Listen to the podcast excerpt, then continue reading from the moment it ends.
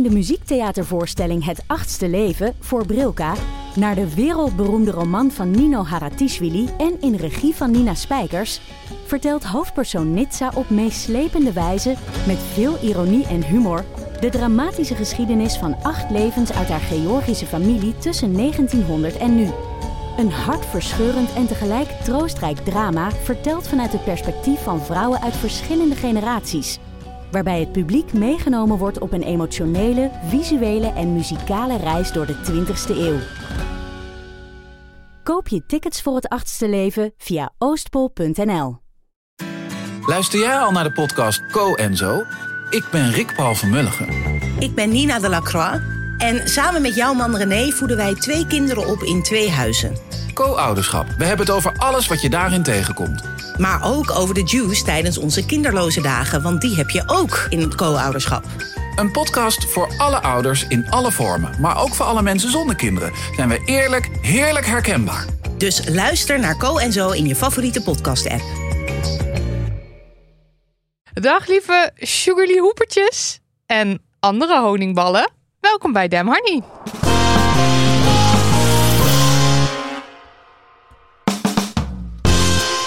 De podcast over shit waar je als vrouw van deze tijd mee moet dealen. Mijn naam is eh Marilotte. En ik ben Lydia. Ja, en dit is aflevering 128. Prachtig getal. Ja. Kan niet anders zeggen. We hebben het overleefd. Ja, we hebben het overleefd. Wat hebben we overleefd? Live televisie, Marianne ja, Hagen. God, is alweer Hele dagen in de stress. En die meid is het alweer vergeten. Dus we hebben het wel echt overleefd. Ja. Eh, ja, Of we mochten niet. dingen zeggen over de ophef rond de Lentekriebelsweek. Ja, Misschien gaan we het er zo nog over hebben, misschien niet. Goed, eerst Of, eh, een of, leuk eh, bericht. of in de bonusafleveringen. Natuurlijk ook. Daar sowieso. Leuk. Daar sowieso. Ja, al onze, al onze angsten en zo. Anyway, ja. Een leuk bericht. Eerst een, eh, een leuk bericht. Hoi, lieve allemaal. Ik luister op dit moment naar jullie podcast, aflevering 81 over lichaamshaar. Hierin behandelen jullie een poststuk van een honingbal met een gebroken hart. Ik wilde alleen even zeggen dat ik een half jaar geleden ook een soortgelijke situatie heb meegemaakt. Bijna vijf jaar samen, woonde al meer dan twee jaar samen. Ik kwam terug van vakantie en bam, de stekker eruit. Ik was kapot. Horen over andere mensen met soortgelijke situaties helpt me echt. En ik ben misschien nu iets verder dan de schrijfster op dat moment, maar ik weet dat het goed gaat komen. Ik huil niet meer constant, heb promotie gemaakt en, en begin zelfs voorzichtig te denken over daten. Ik haat mis hem met vlagen nog wel en haat dan dat ik hem mis, maar ik weet dat het goed gaat komen. En dat is ook mede door jullie podcast, waar ik al fanatiek naar luisterde voor de break-up, maar als een obsessieve verslaafde inging na de break-up. Haha, staat er. haha. Eh, dat wilde ik gewoon even laten weten. Bedankt voor alles, liefs. Oh, ik vind haatmis Goed woord, een hè? goed woord. Ja, ja. maar ook. En dat je dan daarna haat dat je hem mist. Ja, vind ik prachtig. Haatmis. Die zou ik wel in de vandalen willen. dus dit ik. is een het komt goed bericht. Ja. En een. ik Voor de ben- ik gebroken ben- harten honingballen. Ja, dit is dan je. Is dat, je, is dat dan je, je voorland? Nee, dat is niet je voorland. Maar dat is in ieder geval dat wat je staat te wachten. Als je door een break-up heen gaat. Ja. Dan komt het goed. Is het mooi. wordt beter. Is mooi. Ook leuk is dat de eh, actietrainingen voor Extinction Rebellion slash Damn Honey eh, op dit moment opgezet worden. Dat is hartstikke leuk. We hebben inmiddels één training die we kunnen bevestigen die doorgaat. Utrecht. Dat is Utrecht op zaterdag 15 april van 2 tot 6. Ja. En eh, we gaan een link in de show notes zetten waar je je kunt aanmelden. Een aanmeldformulier. En de rest van de trainingen. Den Bosch, Groningen, Den Haag, Rotterdam, Amsterdam, Nijmegen. Ja. Zo, deed ik gewoon even uit Dat mijn hoofd. je lekker. Eh, die zijn dus, die worden nu geregeld. Ja. Die worden opgezet. Er worden nu mensen gevonden om ze te organiseren. Dus stay tuned. Ja, en Want 27 mei gaan we, hè, mensen. gaan weer we de gaan A12 de op. A12 blokkeren. We gaan het doen. Hopelijk dus met een hele grote groep. Bij ons staat het groot in de agenda geblokkeerd op dit moment. We gaan daarheen. Eh, komt allen. En kom ook naar die actietrainingen ja, als je meteen kunt. al, meteen al even, want ik had het op mijn Insta gezet en iemand vroeg meteen: moet je je dan laten arresteren? Of word je, bij, word je sowieso gearresteerd? Nee, je kan je ook bij de support demo aansluiten. Dan doe je dus niks illegaals. En als de politie dan alsnog zegt: ga weg hier, dan zou je je af kunnen vragen of ze in hun recht staan door dat te vragen. Maar ook dan kan je natuurlijk gewoon weglopen. Je kan altijd Ja. gewoon gehoor geven aan wat de politie van je vraagt en dan word je niet gearresteerd. Ja, dus je kan het zo legaal of illegaal maken als je zelf wil. Ja, dat is waar je zelf zin Ja. in hebt. En het is allemaal fijn en allemaal goed, ook als je er niet bij bent, maar op een andere manier je uitspreekt of iets doet. Het is allemaal goed.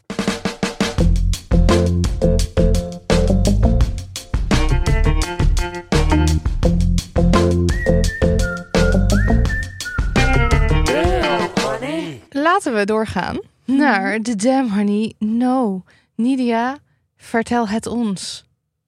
Rip. Max anderhalve graden opwarming. Rippie. Het lukt de christelijke rechtsconservatieven wederom om bezorgde ouders voor een karretje te spannen. En de overheid heeft dus iets briljants bedacht om vrouwen eh, meer te gaan laten werken. En het is niet gratis kinderopvang. Oh, jij dacht ik doe even een soort too long didn't dit is listen. het. Ja, De, dit is eh, het. Als je het niet wil, dan, dan weet je gewoon maar wat er komt. Dit waren wat nootjes. En ga je ook uitweiden over Nou, die ik dingen? dacht, of alleen mag- als ik dat ik wil? ben nu een soort gokmachine. Je kan er een muntje in gooien. Ja. Dan kan je kijken wat eruit komt. Dus is er een van deze thema's waarvan je denkt, nou, ik wil er wel iets meer over weten. Dan vertel ik je dat aan jou. Als Oh, je leuk. denkt, nou, dat thema hoef ik eigenlijk niks meer. Dan heb ik heel veel research voor niks gedaan. Oh, dat is zielig. Ik ga ze denk ik allemaal vragen. Maar ik begin met eh, toch wel de werkende, de, de werkende vrouwen. Want daar sloeg ik erg op aan gisteren weer. Dat Ja. ik dacht, wat? Nou, er is dus een VVD-Kamerlid, Judith Tiele, en die heeft vorig jaar aan het kabinet gevraagd van... hey, laten we nou een 21ste eeuwse versie maken van de zeer succesvolle jaren 80 campagne Een slimme meid Is op haar toekomst voorbereid. Nou, afgelopen maandag was het zover en toen kwam de overheid dus met de campagne... Een slimme vent is zorgwerk gewend. Nee, Nee, ik, wou dus- ik dacht, hè? Dit heb ik helemaal niet gehoord. Ah, nee, nee, nee, natuurlijk niet. Want de 21ste versie, eeuwse versie, is gewoon... Een slimme meid is op haar toekomst voorbereid, maar dan een andere catchy slogan. Maar nog steeds gericht op enkel en alleen de vrouw. Ja. Namelijk, wil je meer werken? Laat het merken. Echt. Ik dacht, ik blijf even Wie, in het, wie bedenkt in het dit? rijmthema. Oké, nou, Nederland telt dus wel echt een hoog percentage vrouwen... dat dus financieel afhankelijk is van overheid of partner. Dat kan dus wel daadwerkelijk problematisch zijn, hè? Want wat als je wil scheiden? Ja, precies. Dan is het best wel prettig Het is om gewoon fijn om financieel, financieel onafhankelijk te zijn. eh, ja, zei ik het dan net goed? Weet ik niet. Maar je, je wil, het wenselijke is dat je financieel onafhankelijk bent. En Dat je 44% is afhankelijk. Ik heb Ja. het dan nu nog een keer goed gezegd. Ja. Ehm, dus op zich zou je dus wel kunnen zeggen van best wel goed om hier meer aandacht aan te geven. Maar er wordt de hele tijd gedaan alsof vrouwtjes weigeren te werken. Ja. Zo van, ja, die vrouwen die zitten maar de deeltijdprinses uit te hangen en op hun yogamatje rozenthee te drinken. En dat is heel leuk om, als je dat doet. Maar dat is vaak niet de reden waarom je niet meer aan het werk bent, betaald aan het werk bent. Want als je onbetaald en eh, betaald dus samenvoegt, dan werken vrouwen meer dan mannen. Oh ja? Dat schijnt zo. Oh ja, nee, dat wist ik. Ja. ja. Ik zat Eh, oh ja. Maar eh, vrouwen doen anderhalf meer, meer, meer zorgwerk. Neem ja, ze ook dus op. vrouwen werken al meer dan mannen. Ja. Suckers van de overheid. Maar goed, dat, is dus, dat zijn ze dan toch weer eventjes weer vergeten of zo. Of ik weet eigenlijk niet precies. Ehm, maar eh, ik vind het dus wel grappig ergens, zou je kunnen zeggen. Dat je dus een overheid hebt die eerst jarenlang zit te pushen op vrouwen. Dat ze niet moeten zorgen. De, de vermoederde vrouw, de gezin, hoeksteen van de samenleving met een moeder achter het fornuis. Eh, en eh, de- dat ze kinderopvang fucking duur wordt gemaakt. Dat sectoren waarin veel vrouwen werken, onderwijs, zorg, veel lagere lonen hebben. Dat scholen om drie uur sluiten, wat er dus voor zorgt dat kinderen een aantal uur per dag ja, in de, ergens in de void zijn. En die void wordt vaak opgevangen, opgevangen door vrouwen. Je laat nog altijd een loonkloof bestaan. Je bezuinigt vormen van zorg waardoor mensen meer mantelzorg moeten doen. En dan zeg je, vrouwtjes, lekker werken. Ik vind dat raar. Ja, dat is ook raar. Ik vind dat een rare aanpak. Waarom zeg je niet mannen ga zorgen? Waarom zeg je niet die loonkloof? Dat, kun, dat, dat pikken we niet langer. Dan gaan we nu meteen vol force gaan we zorgen dat het afgeschaft wordt. Gratis kinderopvang. Ho- lonen omhoog, waar vooral eh, sectoren waar vrouwen voornamelijk werken. Er zijn zoveel dingen die ze nog kunnen doen. Zwangerschapsdiscriminatie tegengaan. 43% van de zwangeren heeft te maken met een vorm van zwangerschapsdiscriminatie. Maar ook bijvoorbeeld eh, overgangsklachten, menstruatieklachten. Wordt weinig onderzoek naar gedaan. Mensen vallen uit. What the fuck? Ik, het is toch gewoon weer... Het, nou, Het is, het, wat, wat gewoon zo weird is, is dat, oké, je constateert misschien dan eh, dat vrouwen minder betaald werken dan mannen. Ja. En je constateert, oké, 44% van de vrouwen is eh, financieel afhankelijk van haar partner. Ja. Eh, dat is iets wat we willen fixen. Ja, ze wilden Maar- volgens mij geloof ik vooral op dit moment het personeelstekort fixen. Ja, dat zal wel. Oké, Ja. maar dan nog steeds. Je, je- dit zijn de cijfers waar ze mee aankomen. Ja. En in plaats, in plaats van dat je je dan je afvraagt, waar komt dat door? En hoe kunnen we we die dat nou oorzaken massaal aanpakken met een overheidscampagne. Ja. Precies. Komen ze met een soort pleister van... oké, nou hoe we dit gaan fixen is... eh, vrouwtjes moeten meer werken. Dat is gewoon heel erg bizar. Wat ik trouwens wel opvallend vond... was dat zelfs het NOS Journaal wilde er niet echt aan. Want zij waren gewoon heel erg van... ja, eh, de overheid wil dat vrouwen meer gaan werken. Eh, dat is heel lastig. Reden, reden, reden, Maar reden, dit reden. vond ik dus ook de grap, want ik ging dus even, ik wist dat deze campagne bestond, dus ik ging dat googlen. Maar ik kreeg allerhande, nou, ik kreeg de NOS, ik kreeg de NRC, ik kreeg de correspondent, ik kreeg RTV Utrecht, ik kreeg eh, Limburg eh, Centraal, een televisieprogramma. Allemaal plekken waar mensen daar aan tafel schoven of in een artikel zeiden dat ze er kritisch tegenover stonden. Ja. Dat ik echt dacht van, 2023 hebben jullie nou echt geen enkel boek gelezen? Want vorige twee gaande jaren zijn er toch heel veel boeken ook over deze thema's. Sophie van Gol. Ja. En eh Anja Meulenbelt. Met, eh, er zijn zoveel boeken over deze Ja. onderwerpen. het is gewoon heel erg apart allemaal. Ja. Dus dat was mijn no. Eh, of tenminste, dat was één van mijn no's. Nou, Oh ja, en trouwens, ik wou wel zeggen, er is dus wel een kleine groep vrouwen die wel een extra setje kan gebruiken. Want die zouden misschien wel meer kunnen werken. eh, want die hebben wel de ru- ruimte en tijd. Bijvoorbeeld vrouwen met kinderen die dan net het huis uit zijn gegaan. Oké, maar dit Dus er schijnt wel een we- groep te zijn die dus wel misschien wat meer kan werken. En die kan je een zetje geven. Maar waarom zo'n kamp- grote campagne opzetten voor zo'n specifieke groep? Ja, Terwijl je dus ook kan zeggen, mannen eh, gaan meer zorgen. Of ehm, eh, bedrijven zorgen dat mannen ook makkelijker parttime kunnen werken. Of kijk eh, hoe je anders roosters of planningen kan inrichten om te zorgen dat mensen makkelijker zorg kunnen combineren met werk. Er zijn echt zoveel. En ik weet niet eens dingen. Dat, tenminste, dat gevoel heb ik dan. Zeg maar, ik ben niet de overheid. Ik ben niet de overheid. En toch heb ik het gevoel dat er ik al zoveel... eens, ik, ken niet eens de cijfers. Ik weet niet eens hoe het zit. Oh ja, zelfs en wat jij- ook echt een probleem is, is dat Nederlanders dus heel negatief staan tegenover werkende vrouwen. Hè? Dus vier op de vijf Nederlanders vindt dat moeders met kinderen tot vier jaar hooguit 28 uur per week zouden moeten werken. Dus er is nog steeds dat moeder de vrouw principe. Dat zit ook zo ingebakken in ons allemaal. Dat ofwel, je krijgt het dus te horen van een ander, van nou moet jij niet gewoon lekker thuis blijven bij de kinderen. Of je voelt dat ook zelf heel sterk, omdat dat heel erg is wat jou aangeleerd is. Ja. Dus het is, eh, dit is op geen enkele manier eigenlijk om vrouwen te helpen. Dit is gewoon omdat ze denken, kut, er moeten meer mensen in het betaalde werkende leven rondhobbelen. Ja. Wie doen nog geen betaald werk eh, die het nog wel kunnen? Nou, dat is een groep vrouwen. Let's go. Ja. Vrezel.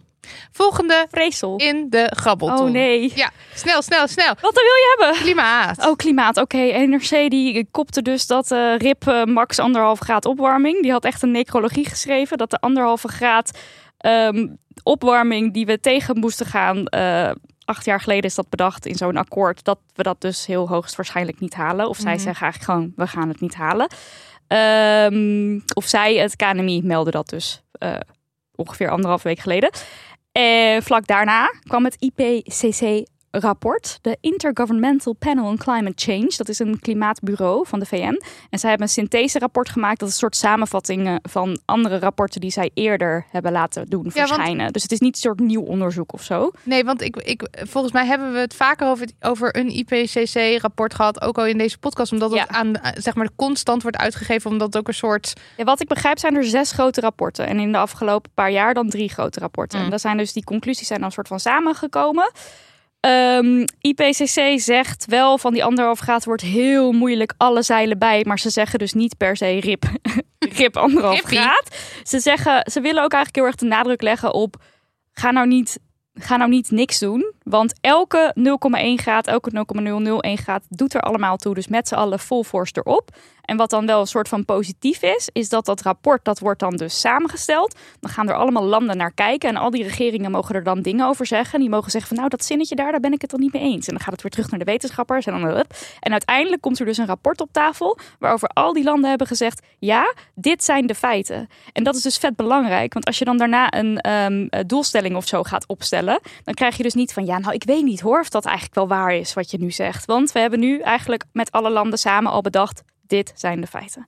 Dus dat is ergens positief. Maar is het ook niet zo. Het is een heel negatief verhaal. Ik probeer een soort leuk draai aan te geven. Ja, oké, want, want is het niet ook zo dat zeg maar, omdat landen dat dan mogen bedenken, dat er dan ook heel erg gelobbyd kan worden Nou, van wat er mij dan wel en niet dus en wel dat. bij de feiten. Oké, Het enige waar wel enige kritiek op komt, is dat er in het rapport ook maatregelen worden meegenomen in de berekening, die nu nog niet van toepassing zijn. Oh. Als ik het goed uitleg nu. Als in Ehm, technieken of zo. van, ja, de soort van, eh, weet ik veel, ehm, bepaalde stoffen in de grond opslaan of zo om de uitstoot, dat soort dingen. En dan gaan ze er eigenlijk van uit dat dat ooit wel gaat eh, lukken. Of dat, nou ja, en dat het staat het nu misschien nog een beetje in de kinderschoenen. Oh, maar dat, dat voelt En- een beetje als hetzelfde als dat ik dan 30 euro uit wil gaan geven. En dat doe ik dan niet. En dan, dan denk ik, oh, ik heb 30 euro gespaard of zo. Weet je wel dat je jezelf rijk gaat rekenen met dingen die Ik, je ja, eigenlijk... ik bedoel, dit zijn allemaal hele, hele goede wetenschappers, toch? Ik bedoel, het zal ook weer niet totaal. Maar dat is bijvoorbeeld wel kritiek wat er opkomt. Ehm, maar eh, ja, het, het moet dus eigenlijk vooral laten zien van we moeten nu handelen. Dat Ja. zegt ook de voorzitter van het IPCC. Raak jij ehm, In de stress misschien? nou in de stress, maar raak jij gemotiveerd door zo'n rip anderhalve graad of niet? Ik raak daar dus wel door gemotiveerd, ja. Want we hadden een DM van iemand die zei van... nou, ik vind dit echt een hele slechte aanpak van NRC... want dat IPCC-rapport zegt dat helemaal niet per se. Nou, dat artikel is dus ook verschenen voor het uitkomen van het IPCC-rapport. Dus dat NRC is niet zozeer direct gelinkt aan dit. Al staat er wel in een van de eerder verschenen rapporten van IPCC... dat het heel moeilijk gaat zijn om het te halen. Dus dat hadden ze eigenlijk wel al een keer geconcludeerd.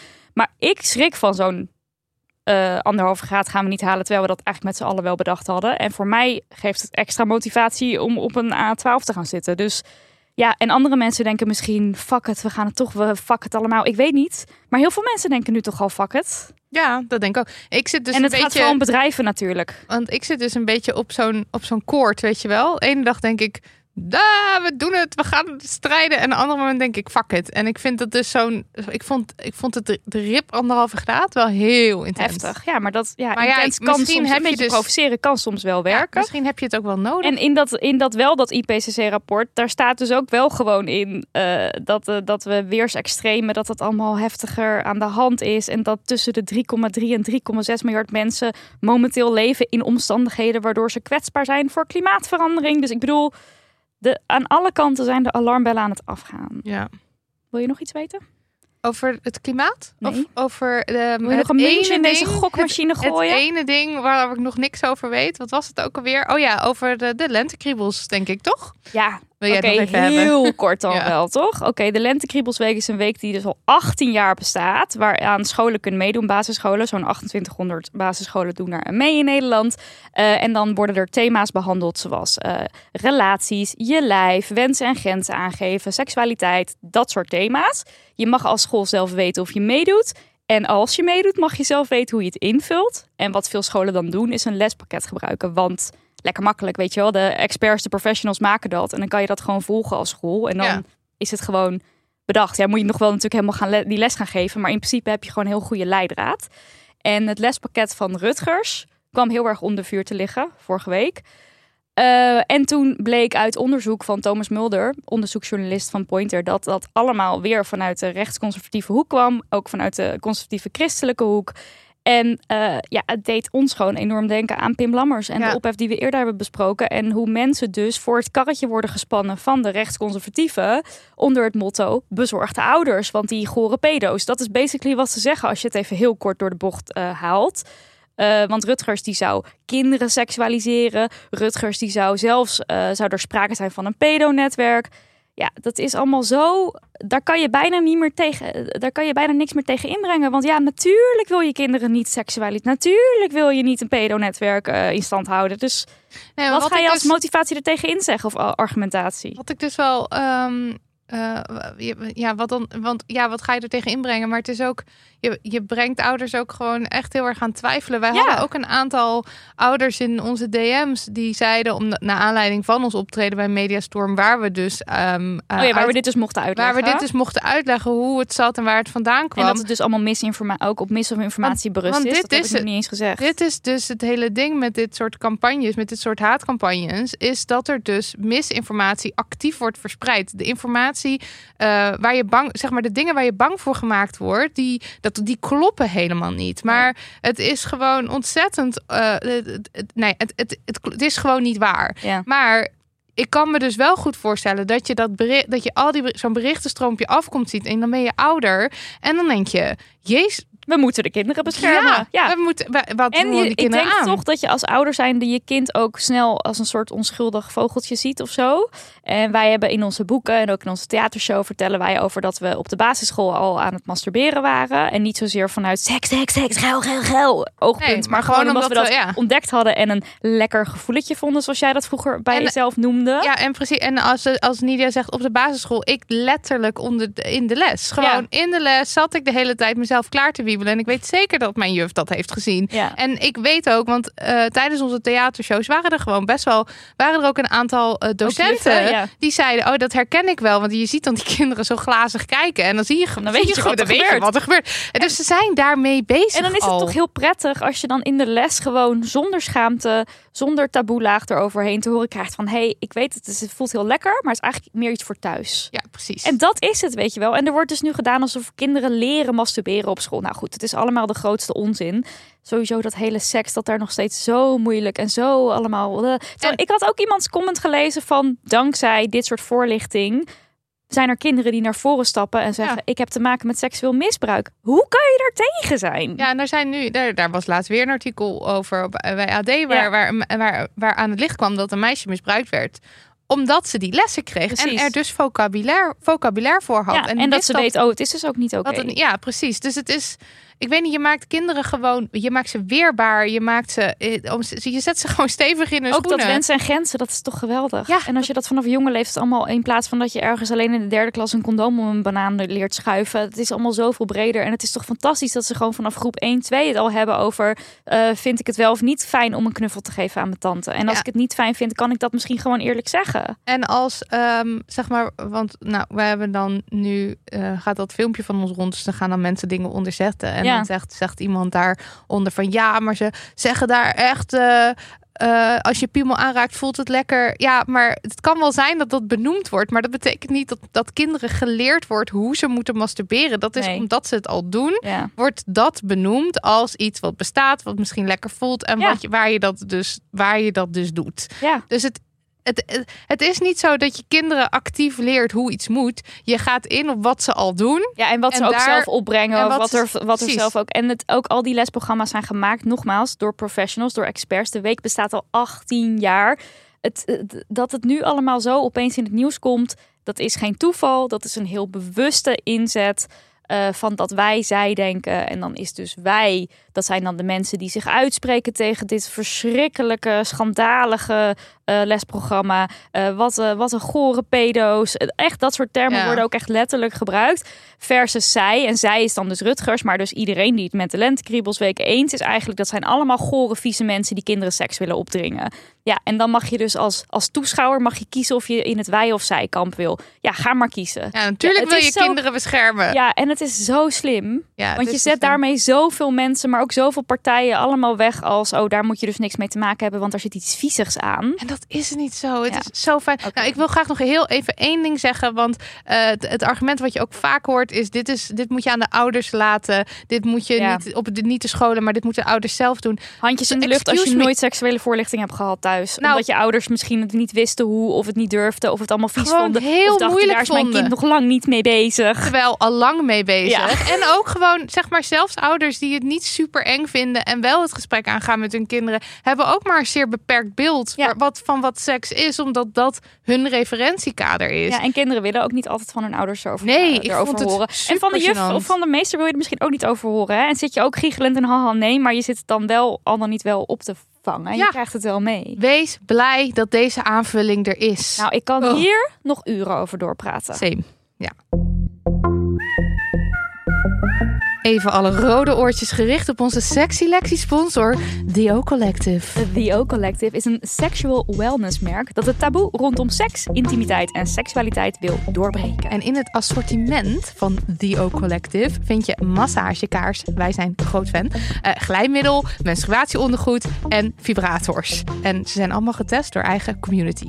Oké, even een quote van de vier vriendinnen die het merk hebben opgericht. Want ik vond het erg herkenbaar. Ook toepasselijk op onze no die we echt net nog besproken hebben. Vanuit huis hebben we nooit meegekregen hoe we het best konden omgaan met intimiteit en hoe we naar onze eigen lichamen moeten luisteren. Laat staan hoe we dit kunnen communiceren naar onze partners. Gelukkig hadden we elkaar en de breakout clown emoticon. En hebben we gaandeweg uitgeplozen waar wij ons goed bij voelen.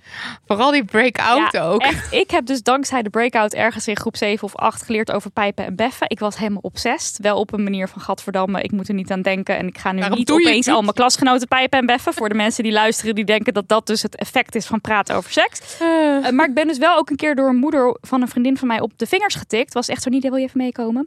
Ja, wil je nooit meer met puntje, puntje, puntje praten daarover? Wil je, weten jouw ouders wel dat je dat leest eh, in de breakout? Ja. Sorry, maar dat is ook echt precies wat je niet mee wil geven. waar- Waardoor je dus heel veel schaamte... De, die moeder deed het fout. die deed het fout en misschien onbewust. Misschien vanuit het we beschermen de kinderen Ja, gevoel. precies. Maar het was niet prettig, want ik heb daarna heel lang gedacht dat seks ontzettend gênant was en ik ontzettend mijn mond erover moest houden en met niemand erover moest praten.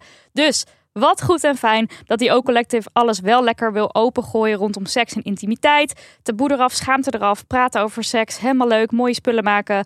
Ik heb hier ook al heel vaak gezegd dat die Mhm. kit vibrator, dat is dus mijn go-to vibrator. Same. Ja, en ook die, ik heb ook ehm, eh, zo'n, de Dream Team heet dat, heb, heb ik gekregen. Dat is een set met een, een afstandsbedieningje en dan een mini vibrator die dus in vier verschillende hoesjes past. Dus vier verschillende sextoys.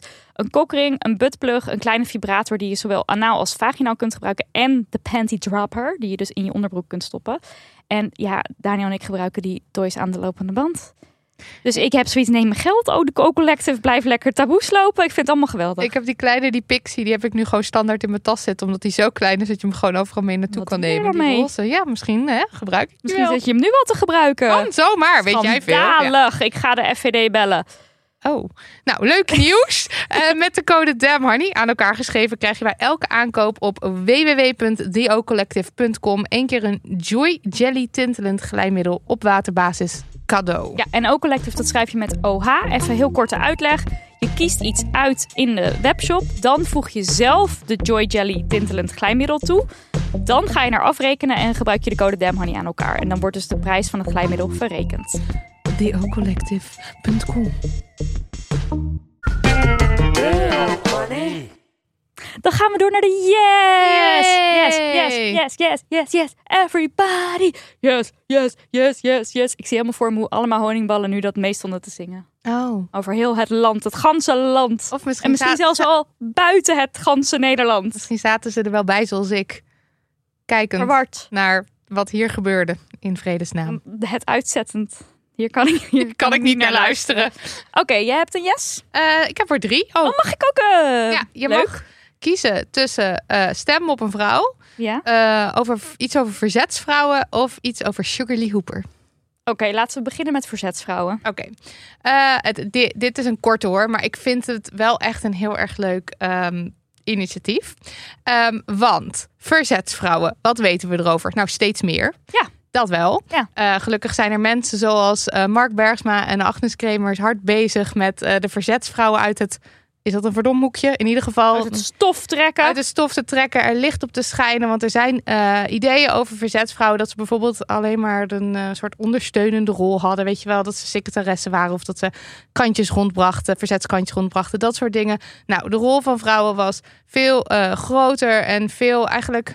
Volgens mij waren er echt groepen waar het gewoon 50-50 verdeeld was, mannen en vrouwen. Nou, ze waren er gewoon alom. Of groepen die werden opgericht door vrouwen. Toch? De, de 2000? Oh ja, de 2000 van eh, Jacoba van Tongeren volgens Ja. mij. Ja, hey. Hebben we vorig, oh, vorig jaar Ja, over gehad. verteld. Ja. En we hebben het ook over Frida Benefante gehad. eh, eerder al in een Jouw podcast. grote idool. Mijn grote, grote idool. Nou, er zijn in ieder geval een hoop coole verzetsvrouwen waarvan we nu wel weten. Maar nog steeds is het zo dat er meer eh, mannen bekend zijn dan vrouwen. En het wordt tijd om ze nog, nog, nog meer het licht in Uit te, dat stof te trekken. het Ja. licht in te sjorren. Ja, En eh, nou, nou, kun, nou kun je daar zelfs aan meehelpen. En dat is heel erg leuk. Want op eh 5 mei in de bibliotheek van Atria... met een korte inspiratiesessie door de schatten van van gisteren... namelijk historici Mark Bergsma en Agnes Kremers. Huishistoricus, hè? Mark Ja, Bergsma. Huishistoricus Mark Bergsma, love you.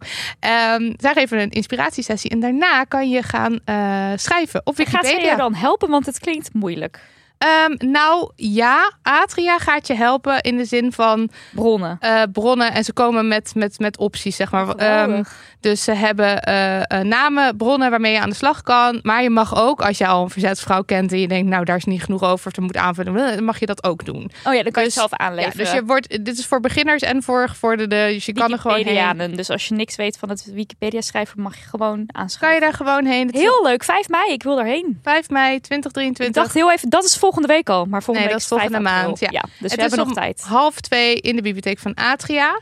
En Dat is in ehm, Amsterdam op dat de is Vijzelgracht, Vijzelstraat. Vijzelstraat 20 in Amsterdam inderdaad. Dus ga daarheen. Eh, dus het is een soort activisme vanuit je bureaustoel. Cool. Overigens is er op 28 april een wiki vrijdagmiddag over verzetsvrouwen in het Oranje Hotel in Scheveningen. Dus nice. dat is eh, als je niet naar Amsterdam wil, maar bijvoorbeeld wel naar Is Scheveningen. dat ook met Mark en Agnes? Dat is niet met Mark en Agnes. Oké, dat is toch maar er is wel een weten. Van iemand in het Oranje Hotel over weet. het Oranje Hotel. Oh, maar dat is ook wel heel interessant. dat, is, dat klonk hartstikke ik leuk. hoorde daar van alles over bij Marco Dreyer. Van de, Oh. de cultuurvlogger. Dat Nou. dat heel indrukwekkend was om daarheen te gaan. Het Oranje Hotel. En dan, eh, maar eh, als in hij was daar geweest en hij vertelde daarover. Ja. Nou, ga erheen. Ja. Kan ik dat ook ergens luisteren om ik te ja, ik heb dat denk ik in de Mion, eh, Mion en Marco podcast eh allereerste dingen, dingen. gehoord. Oh. alles aan bingen. Ik vind het helemaal geweldig. Ja, ik vind het ook erg Oké, dat was even een sidetrack. Wat kon ik nog meer kiezen? Stem op een vrouw kon ik Stem op een vrouw, ja. Stem op een vrouw. Nou, dat, Wacht, ik kon ook Sugarly Hooper kiezen. je kon ook die komt- lief. die Die, komt dan komt hierna. Ja, oké. stem op een vrouw. Wat ik gewoon graag even wil zeggen is dat the results are in. Ja, ja, Want we ja, hebben natuurlijk gestemd op 15 maart voor de verkiezingen voor de provincie en het waterschap. Ehm, en als het goed is, hebben de mensen, bijvoorbeeld de mensen die hier naartoe luisteren, eh, hebben gestemd op een vrouw wat lager op de lijst van, van de club waar ze op stemden, om er wat meer vrouwen in te krijgen. Nou, dat is gelukt. En dit zijn de results. Dankzij voorkeurstemmen zijn er 34 extra vrouwen verkozen, waarvan 33 in plaats van een man. Wow. Dat is echt veel. Stem op een vrouw. En eh, omdat er eh, ook al iets meer vrouwen op sommige kieslijsten stonden, stijgen de aantallen vrouwen dus nu flink. Ja, want dit hele stem op een vrouw verhaal, even los van dat je dus tactisch kan stemmen, dat heeft, is toch ook gewoon enorm zorgen ervoor dat kieslijsten zelf al. Daarmee bezig zijn. ja. Ja. Dus yes. Dus het is top, want er stonden En het dus al meer vrouwen op de Het idee is lijst. toch ook altijd geweest dat dit in principe niet tot het einde der tijden nodig is, maar dat dat gewoon Nou, nu we beginnen er nu- force en dan daarna automatisch. Ja, dus we beginnen er nu wel echt te komen. Want Ja. eh, in de provincies is het gemiddelde gestegen van 33% naar 40%. Yes. En in het waterschap van 28% naar 34%. Oké. Dus dat is, eh, volgens mij is het ja, hoger dan ooit. I love it. A win. Je lekker, yes. lekker bezig stem op een vrouw. Dan wil ik nu heel graag alles weten over Sugarly Hooper. Ja, Sugarly Hooper. Weten mensen wie dat is? Nou, wat weet jij van? Wat, wat wij, wat, want eh, ik, Wat weet ik van Sugarly Hooper? ja, of wat zijn de, de gedachten die je Heel had? weinig hoor. Maar wat ik dan weet is een eh, kale vrouw, een dikke vrouw die heel ja, extreem is. En liedjes zingt. Maar dat is echt alles. Ja, want ik, Ik heb ook niet een se- sentiment dat we dan thuis haar stom of leuk vonden. Dat weet ik eerlijk gezegd niet. nee, nee, nee. Ik, ik, ik vond haar. Eh, Gewoon heel aanwezig. Ik vond ook niks van haar. Ik kende haar naam. Ik, ik herinner me de jurken waar ze in liep. ja, heel ex- alles heel extreem. Heel extreem, ja. En ik wist wel dat ze lesbisch eh, Wist was. ik ook niet, denk ik. Ehm, maar dat was het wel. En ik, ik heb denk ik altijd een beetje een soort clowneske associatie gehad of zo. Ja. Maar ik weet Ja. dus niet of dat komt omdat mensen dan... eh, of dat er in, in ons gezin zo over gepraat werd of, of om mij heen zo over gepraat werd. Geen idee. Maar het ding is, wat ik eigenlijk heel raar vond, was... Ik wist, ik wist niet eens echt wat ze deed. Ehm, Nee. Niet echt of ze nou zong of zo. Terwijl ze zong, onder andere. Het was ook een drummer. Ehm, maar, eh, oh ja, en als je haar dus googelt, ehm, dan kom je dus ook best wel snel op een soort car- carnavalsfeest kostuum ook bijvoorbeeld. Dat je kan je verkleden als, Oh god. maar dan ook, dan krijg je een jurk en een Maar kale over kop. welke jaar, eh, over welke jaartal spreken we eigenlijk? Nou, de, haar hoogtepunt Ja. jaar, zeg maar, toen ze echt eh, hey, hey, eenmaal Ja. het meest geboekte, een van de meest geboekte artiesten Ja. was, was 1994. Dus we hebben Maar het over de verklaart 90s. helemaal. Want Ja. wij waren gewoon net te jong om dan echt te snappen wie. Maar dan kreeg je het wel een beetje mee. Ja. Want ik kom uit 88 en jij komt uit... 87. Ja. Dus wij We waren hebben ook luisteraars die komen uit 2005. Ja, jullie weten sowieso niet. Maar wat die ik dus- niet wie dat is. Maar waarom, eh, waarom, wa- wa- waarom Sugar Lee Hooper als een yes? Nou, Ga je daar verandering in brengen? nee, ik hoop het. Ik, werd, ik ben in ieder geval nu eh, number one. Nou, niet misschien naar, naar number one fan, maar ik ben wel echt fan nu. Ik vind het, Number echt top 10 fan. top 10 fan. Ik vond, ik vond eh, al wat ik nu. ge- Oké, luister. Op Vice is een artikel verschenen over Sugar Lee Hooper. Ja. En het is geschreven door Lisa Lotens. En ehm, daarin heeft ze, het stuk heet ook eh, Sugar Lee Hooper, Hooper is eh, punk. Veel punker, Ja. veel, veel, eigen, veel meer eigen dan je, dan je misschien denkt. Ja. En ik ging dus naar aanleiding van dit artikel, want ik las dat artikel en ik dacht, echt, oh my god, hij is heel cool. Ging ik ook meer googelen. Alleen je kan dus echt weinig vinden. Er is bijvoorbeeld geen documentaire of zo over Ah. haar. Wat ik eigenlijk opvallend vond, want ook al verklaart het dat zij in 1994 een soort van op haar hoogtepunt was in Nederland, eh, vind ik het apart dat zij zo overbekend is, maar dat er dus zo weinig is. Maar is dat van andere artiesten dan wel? Eventjes heel kritisch. Ja, geen een idee. Guus Meeuwis documentaire? Ik weet het niet hoor. Zo, ja, dan ga ik dan nu niet Nee, je hoeft je niet te googelen, maar... eh, Maar Guus, Guus Meeuwis leeft nog. ik, het, nee, dat is zo. Ja. Ik vind ook dat ze meer aandacht nodig heeft. Maar Ja. ik weet gewoon niet in hoeverre we goed aan een soort muziekhistorie... Nee, ja, geen idee. Nederland. Maar ik vond het echt opvallend dat er dus ook gewoon... Er is niet een docu, maar er zijn ook niet echt interviews. Er zijn niet echt artikelen te vinden. Er is gewoon weinig. niks, ja. Er zijn wat fragmenten op YouTube waar je haar kan horen praten. Maar dat is het Maar eigenlijk wat wel. maakt haar zo cool dan? Nou, luister. Sugar Lee Hooper. Zij heet trouwens Marja deze, van der presentatie- deze PowerPoint-presentatie heet Sugar Lee Hooper. Sugar Lee Hooper. Eh, haar, eh, ze is in Scheveningen geboren eh, als Marja van der Toorn. En eh, ze werd bekend dus onder de eh, naam Sugar Lee Hooper. En Sugar verwees naar haar voorliefde voor zoetigheid. En eh, Lee Hooper was de manager van Billie Holiday. Die in haar... Kijk, Ik dacht dus dat ze echt zo heette. En dat zegt denk ik wel iets over hoe jong ik was toen zij in mijn leven was. ja, ik, ik dacht dat dus ook. Die, die vrouw heet Sugar Lee Hooper, ja. En, en, Had ik gewoon voor waarheid aangenomen. En dan heerlijk dat je dan helemaal ook zo uitbundig eruit ziet. En je heet zo. Hoe leuk. geweldig. Dus nou, dit was haar eigen bedachte naam. En eh, ze begon op haar zeventiende al te drummen in de allereerste vrouwenband van Nederland. The Beat Sisters. Vet, kon je iets over de Beat Sisters vinden? Weinig. Kan je dan muziek niks. van hen terug horen? Of ook Volgens niet? mij niet. Oh Wat? man. Ja, er is echt niet veel. Huishistoricus Mark Bergsma. Als jij nou luistert, Doe ik eventjes verwacht Sugar Lee Hooper uit het stof trekken. Mhm. Ja, maar ook de Beat Sisters. Eigenlijk gewoon vrouwen in de Nederlandse muziek. Ja, maar goed, ik ben nou ook bang dat misschien mijn Google, eh mijn Google eh, talenten niet- ook weer niet zo. Dus even niet uit. alles met een slag onder de, over, onder de arm, over de Onder de arm, slag onder de oksel. Onder de Slag- behaarde oksel. Slag onder de arm houden. Ja. Ja. Ehm, maar goed, en er waren dus in die tijd geen andere Nederlandse bands bekend met vrouwelijke drummers. Oh. Dus Vrouwelijke drummers zijn nog altijd, denk ik, redelijk een schaars. dat zou kunnen. Maar dat zou volgens Lisa Lotens betekenen dat zij ook de allereerste professionele vrouwelijke drummer van Nederland was. Vet, ja. Cool toch? Ja. Nou, was ze dus al ze- was ze dus 17. Nou, zij heeft dus eh, haar liefde was drummen. Zij was een drummer. Eh, en ze heeft jarenlang op allerlei plekken gedrumd, in allerlei bands. Heeft ook een eigen band opgericht, ja? Toen was ze dus gewoon nog Marga dan, toch? Was ze niet Sugar Lee Hooper? Nee, was ze Marja. Marja, Denk sorry. ik, ja. Marja. Ja, ja, ja. Het was ze Marja. Oké, Ja, ja, was ze Marja. Ging Ja. ze als Marja ging ze, was, ze, was ze drummer. Dus dan zat ze niet kaal met een plusje, met een plusje jurk achter. Nee, nee, nee, nee, nee. Nee, als je ook foto's ziet, dan ziet ze er ook echt heel erg anders uit. Mm. Eigenlijk, ja, gewoon een gewone vrouw. Gewoon gewoon. Gewone vrouw. Gewoon lekker gewoon Ja. normaal, weet je wel? Maar op een dag lazert ze, dat zijn haar Oh. eigen woorden, van het podium. Oh. En eh, moet ze noodgedwongen stoppen eh, met drummen. Want eh, nou ja, ze is, ze is eh, haar elleboog ver- verbrijzeld en haar knieën in puin. Dat, Oeh, dat, dat is een verschrikkelijke turn in dit verhaal. Helemaal niet leuk. Voor iemand wiens passie dat Nee. is. En toen is ze dus, omdat ze niet meer kon drummen en dat vond ze frustrerend en er was een hoop, ehm, eh, hoe noem je dat, revalidatie. Mhm. Is ze daarna eh, gaan experimenteren met zingen. En dat heeft haar uiteindelijk op het pad van Sugar Lee Hooper gebracht. En zij heeft daar dus echt een hele succesvolle carrière van gemaakt eigenlijk. Het eerste liedje waar ze mee scoorde was De Wandelclub. Ja, Ja, die ken jij. ik vind dit hilarisch, want ik kom, ik kom dus heel erg uit een Nederlandse muziekgezin.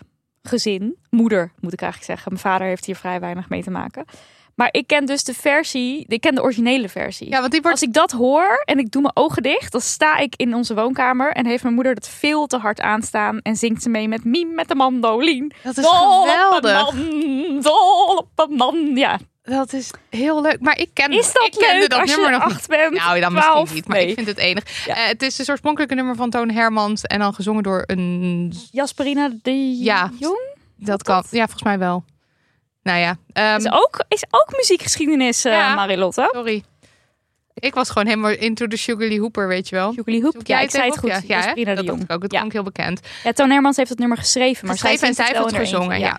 Ehm, maar wat ik dus heel leuk, wat heel grappig vind, is als Sugar Lee Hooper het zingt. Er zitten natuurlijk ook er zitten zinnetjes in de wandelclub met eh we motten geen kerels. Het is ontzettend lesbisch. Het is zo lesbisch maar nummer. dan kan je zeggen als, als, als Sugar Lee Hooper het zingt. Maar was dat dan niet eigenlijk ook al toen het gemaakt werd? Of zou dat helemaal nooit de bedoeling zijn? Want het, het is namelijk dol op een man, dol op een mandolin. Ja. Zeg maar, het gaat helemaal niet Ja. over mannen. En eh, we gaan soms 14 dagen lang kamperen zonder hiha-heren. ja, en, dat en eh, we houden niet van kussen. Dat zit er ook in. Ja, dus misschien is het wel een heel, heeft het een hele lesbische ondertoon. En ja, als, als zij zingt- het zingt, is het En zij is oud en proud, dan is het natuurlijk heeft het Heel nog andere geweldig, lading. ja. Ja. En eh, Want, dus voor de duidelijkheid, in de jaren negentig was het dus wel ook gewoon bekend dat zij lesbisch was. ja, daar was zij dus heel erg open over. Ja. En eh, op 1 april 2001 werd in Nederland eh, het huwelijk opengesteld. Ja. Op 2 april is zij getrouwd. Wat leuk. Als, als eerste Nederlandse artiest Wat heeft zij gebruik gemaakt van Ja. het opengestelde huwelijk. Dat is toch geweldig? Leuk. Ik- Ja. Er zijn zoveel Leuke punten. facts. Ja. Zijn, maar er zijn zoveel punten waarop ik denk... deze vrouw verdient zoveel meer En je kan hier makkelijk een boek over schrijven als Ja. je het zo hoort. Ja. Iets, iets van het ook, iets van de biografie. Maar misschien is het er ook wel, hè? Eh, ik heb alleen maar mijn googeltje deze middag goed erbij gepakt. Nou dus ja, op zich. Maar goed, ehm, eh, toen ze bekender werd, ging ze nadenken over haar imago. En eh, ze ehm, heeft toen, dat heeft ze samen met haar zoon Jan gedaan, die een enorme invloed had. Dat schijnt ook een hele coole producer te zijn en zo. Ehm, en toen ging ze haar hoofd kaal scheren, want ze had heel erg dun haar. En qua kleding koos ze dus voor grote, kleurrijke tulle jurken Geweldig. die echt amazing zijn. En daarover zei ze dus. eh, ik dacht, laat ik dat dik zijn maar gebruiken. En niet Ja. proberen me af te kleden met zwart zoals alle andere zangeressen. En dan zie je haar dus in die filmpjes, in die echt, echt, echt crazy jurken. Die geweldig zijn. Allerlei kleur. Allerlei kleuren. Tule, tule, tule. er is ook een filmpje van haar dat ze dan de kast opentrekt voor André van Duin. En dan zie je al die, al die jurk Ploft komen het er al uit, ja. er eruit. Het is erg geweldig. Ehm, maar je ziet haar dus ook heel veel. eh, ehm, als, je, als je googelt of als je haar op YouTube ziet, op bewegend beeld, zie je haar ook heel veel van die oversized baseball shirts. Oh Beetje ja. zoals Missy Elliott-achtig. Mhm. Eh, en dat is eigenlijk wel een grappige tegenstelling. Omdat het natuurlijk, aan de ene kant heb je die eh, mega soort vrouwelijke eh, jurken. Mhm. En aan de andere kant eigenlijk best wel butch. Ja. Dus ehm, eh, Lisa Lotens zegt daarover ook... Het is, daar is natuurlijk geen binair touw aan vast te knopen. Ja, wat ook weer op zich weer heel tof is. Ja, dus, dus ja... De, de, ik denk dat zij gewoon cool echt een hele aparte verschijning is Ja. geweest. Zeker Ja. in dat landschap. Want ook in die tijd waren het natuurlijk, eh, weet ik veel, de Spice Girls en eh, Britney Spears. En, eh, en wie had je nog meer? Jessica Simpson of zo, weet Ja, je wel? Die- wel denk ik allemaal net wat later, maar Nou goed, maar in ieder geval was het allemaal, die, die voldeden allemaal aan dat, aan dat, aan Ja. slank en jaren blond. 90 is natuurlijk en, wel ook dat, dat dun zijn, ja. en het is heel erg dat, die supermodel area natuurlijk. Dus het is heel erg ja, vanuit de mannelijke... dikke vrouw, dat zou nog steeds toch hartstikke... Dat zouden nog steeds toch... Mensen vinden dat nog steeds toch raar. Ja, dat denk ik ook wel. Dus Maar, het is gewoon geweldig. maar toen was het nog raarder, denk ik. Het Ja, was... Of misschien wel niet. Misschien zitten we wel te denken dat we zoveel vooruitgang hebben geboekt. Ehm, Vraag ik me nu opeens af. Ja, zou kunnen. Het Weet is meer niet. dat ik, dat ik nu denk, als zij nu zou zijn, zeg maar, als zij nu op haar, op haar hoogtepunt Ja. Haar liedjes zou zingen, denk ik wel dat ik haar heel cool zou vinden. Ondanks dat ik dus niet echt van Nederlandstalige muziek, van dat Ja. soort muziek hou, denk ik dat, dat ik wel echt heel erg zou inzien hoe tof zij is. Ja. En ook wat zij betekent Ja. voor eh, de queer community. Of in ieder geval voor mij als lesbische vrouw. Ik, ik, ik las dit en ik dacht echt, wow, je hebt, je hebt gewoon echt scheid. Ja, Dat het is echt het ultieme voorbeeld van zelf weten. het, ja, het is absoluut het ultieme. Het is Supercool. scheid al over, maar tegelijkertijd, want ze is ook. ehm, ik weet niet, het is gewoon zo bevrijdend om haar zo te zien of zo. Heerlijk. En dat vind, dat vind ik erg cool. Dat ja, gewoon eh, helemaal los van het hokje van wat vrouw zijn is. Ehm, oh ja, en eh, begrippen als gender, fluïde of queer, die kwamen toen nog niet echt voor. Nee, dat gebruikten we nu toen nog Mhm. niet echt. Eh, maar zij zou zich, eh, oh ja, haar, haar zoon zegt dat ze zich daar waarschijnlijk niet mee zou willen identificeren. Want ze had ook met het begrip lesbisch had ze eigenlijk niet zoveel. Ehm, dus eh, hij zegt, ik stel me voor dat ze hierop zou zeggen, dat heette toen nog gewoon maling hebben. Oh ja, vet. Dus zij zou zich misschien helemaal niks noemen. Dat gaan we voortaan zeggen. Maling hebben. Maling of hebben. niet maling hebben. Op Ja, daar- dat gaan we zo meteen wel Ja. doen, ja. Ehm, nou ja, het is eh, ontzettend leuk mens. Maar, en je denkt, scheid en een soort van, laat alles van zich afglijden. Maar ze wond zich dus wel op over ehm, nou ja, de dingen die haar aangingen. Of de dingen waar ze zich boos over maakte. Zoals discriminatie, dierenleed. Maar bijvoorbeeld heeft ze het ook over misgenderd worden. Dat ze wordt aangezien voor Oh, een daar vent. sprak ze dus wel Daar ook sprak over. ze over. En ook ehm, eh, eh, eh, dat dat echt over, over grenzen heen gaan is en zo. Daar sprak zich over uit. En er- ik zag ook een fragment van een interview waarin ze heel open vertelt over seks met een vent. En dat het daar niks deed. En dat seks met vrouwen dan helemaal Dat de zeg shit je ook is. altijd. Oh Oh, god. ja. Moeten een poster van Sugar Lee Hooper op ons kantoor. Dat denk ik Zou je ook. dat nog kunnen kopen? Dat gaan we Heeft even er, opzoeken. heeft er iemand nog een poster liggen? ja, dat laat is goud geld weten. waard. Ja. En eh, nou ja, eh, in ieder geval, Sugar Lee Hooper was echt een open boek. En eh, die had ook, zeg maar, ze schaamde zich nergens voor. Ze had scheid. En ze was dus, en ze was denk ik een voorbeeld van. Ik kwam trouwens een, ehm, eh, een on- online condoleanceregister tegen. Want ze is dus overleden in 2010. Ze is gevallen van haar scootmobiel en is daarna door een fout van het ziekenhuis overleden. Oh, en, en, ze is dus echt jong overleden. ja, ze was 62. ja. Ehm, en ik kwam in het condoleanceregister eh dit berichtje tegen. Eh, ze was dik, kaal en een supermens. En ik had toen veel problemen met mijn uiterlijk. En als ik haar dan zag, ik dacht, ik kom er wel. En ik ben er ook gekomen. En soms gaat het minder, maar dan zoek ik haar op op internet. En geniet ik van haar. Ik kom wel janken. Dit was iemand Oh, die wat dat goed. gezegd. Nou, dat gaan Nou. we nu ook allemaal doen, denk ik. Maar ik denk dus, zij, eh, ze was een beetje, ze was natuurlijk ook veel. En ze was ook een beetje Aanwezig. een clown. En ze, ze deed ook clownerig natuurlijk. Het was een heel apart feestmens. Ja.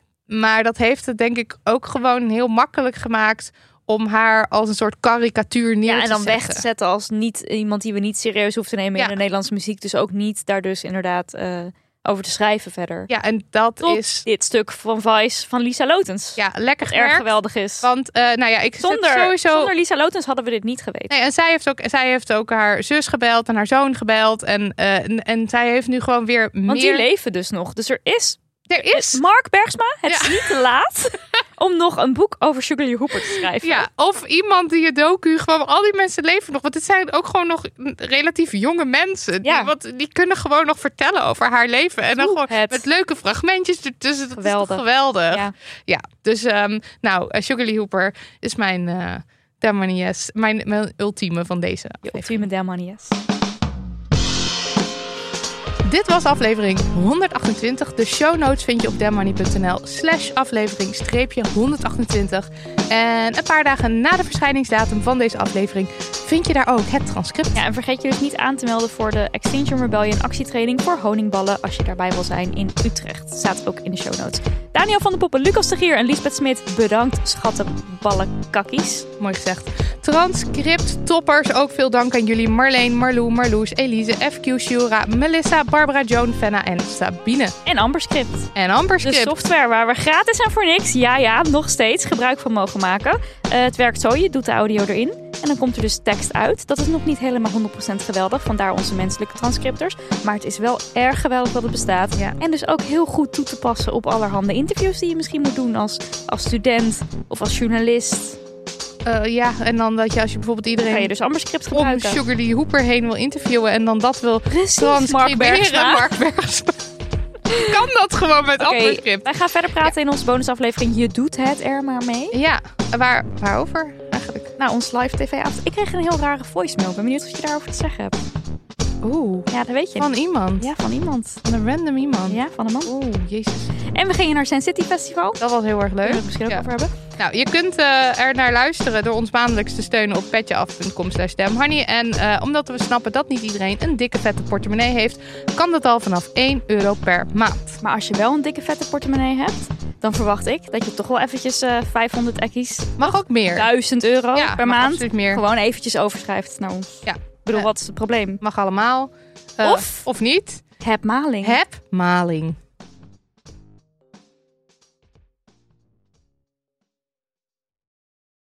Nog even over die grootse en epische muziektheatervoorstelling. Het achtste leven voor Brilka is een marathonvoorstelling van 5 uur. Koop je tickets voor deze bijzondere theateravond via oostpol.nl.